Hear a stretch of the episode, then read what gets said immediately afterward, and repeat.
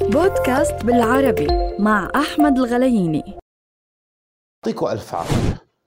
الدراما الأردنية صورت لنا الحياة في الأردن عبارة عن مسلسلات بدوية وعن قتل وقنص وغزو وعبارة عن حياة على الغدير المي أو كانت قرية أو عبارة عن مدينة قديمة وجاهلة. الدراما الأردنية وبالذات التلفزيونات ما قدمت لنا حقيقة المجتمع الأردني.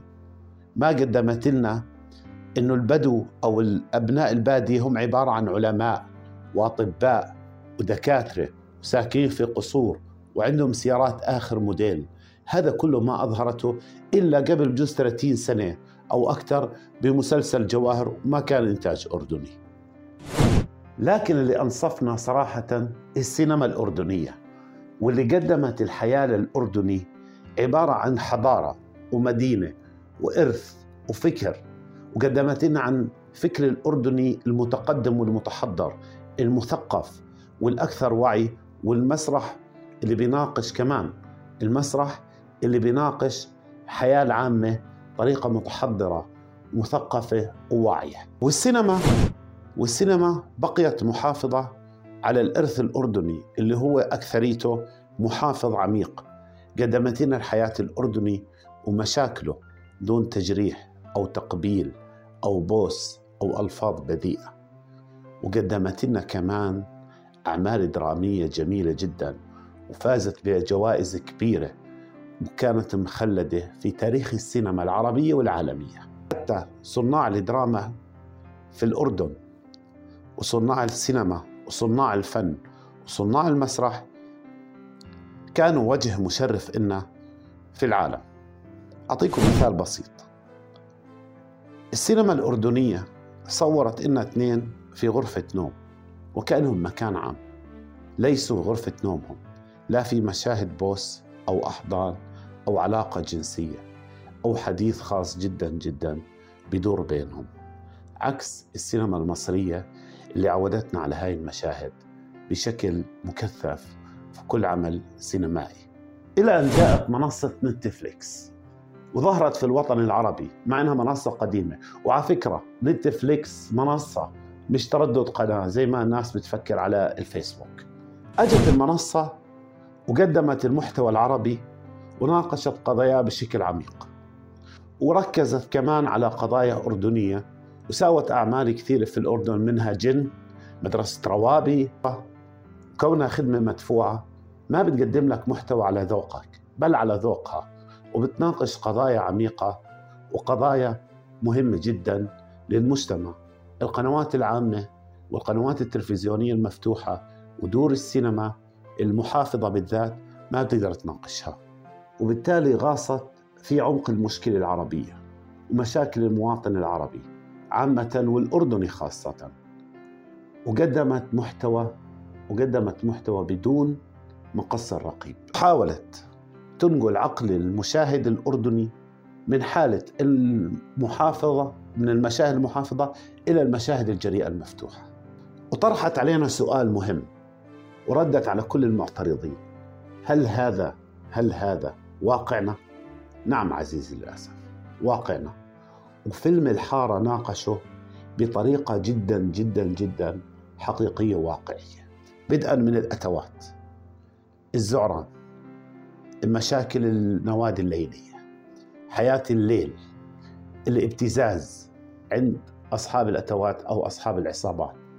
وكمان القتل والضرب وتجارة المخدرات.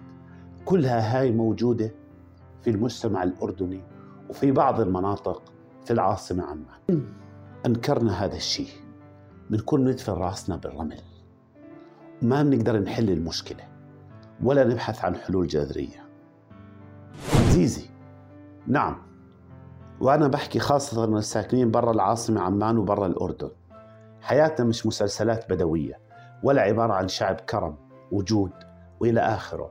هاي الصفات كثيرة موجودة عندنا وكبيرة وعالية وبنفتخر فيها.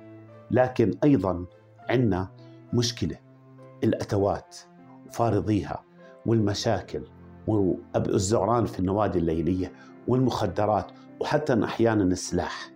هاي واقعنا وحياتنا وهذا الشيء ما بنقدر نخفيه عزيزي بدي أحكي لك شغلة بصراحة. أحكي لك بصراحة. منصة نتفليكس تعتمد على عقل المشاهد وعلى صدمته وبتحاول تصدمه دائما بأحداث ما تناقشت قبل على القنوات العربية والمحلية والمفتوحة. وبهذا الجدال اللي انت بتعمله على منصات التواصل الاجتماعي هي بالتالي مستفيدة وصاحبة الدعاية الأكبر وصاحبة الفائدة مناسبة أنا بدي أصدمك أكثر. هذا الفيلم عرض في دور السينما في مهرجانات عربية ومحلية وعالمية وعلى الصعيد المحلي المركز الثقافي الملكي في إحدى مهرجانات الأفلام. ولكن بمقص الرقيب وتم تقطيع وقصقصة أشياء كثير منه. عزيزي الأوروبي في الختام بدي أحكي لك شيء مهم.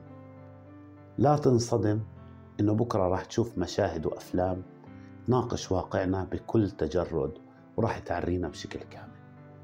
وراح تعتمد على الإثارة والصدمة مثل ما صار معك في فيلم الحارة مسلسل جن مدرسة فتيات الروابي وغيرها من الأعمال الكثيرة اللي راح تعرض قريبا.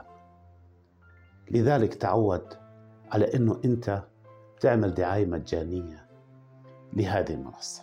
ومن انطلاق الإنترنت عزيزي وأنت بتشوف محتوى جديد عليك سواء على يوتيوب أو على محطات التلفزيون العالمية أو العربية. ومن انطلاق الستلايت كمان كنت تشوف القنوات اللبنانية وتتعجب وتسأل هل هذا الشيء موجود في وطننا العربي؟ نعم عزيزي. والآن جاء دور منصات التلفزيون لكن نتفليكس أكثر ركزت على المحتوى العربي وعلى الأردني بالذات وركزت فيه لأنه فيه إبداع وفي عنا مبدعين وعنا كوادر وعنا إنتاج وكمان عنا أهم من ذلك كله أماكن تصوير جميلة. فبالتالي عزيزي لا تستغرب أنه بكرة راح تشوف أجمل وراح تشوف شيء أكثر جراءة من مسلسل جن أو من فيلم الحارة. وبدك تتعود على مشاهد البوس والأحضان والألفاظ النابية وبتمنى منك بالنهاية تشترك على قنواتنا على اليوتيوب تيك توك وعلى إنستغرام وطبعا على باز وعلى منصات بودكاست بالعربي على أنغامي وسبوتيفاي جوجل بودكاست وساوند كلاود وغيرها من المنصات. يعطيكم ألف عافية. بودكاست بالعربي مع أحمد الغلييني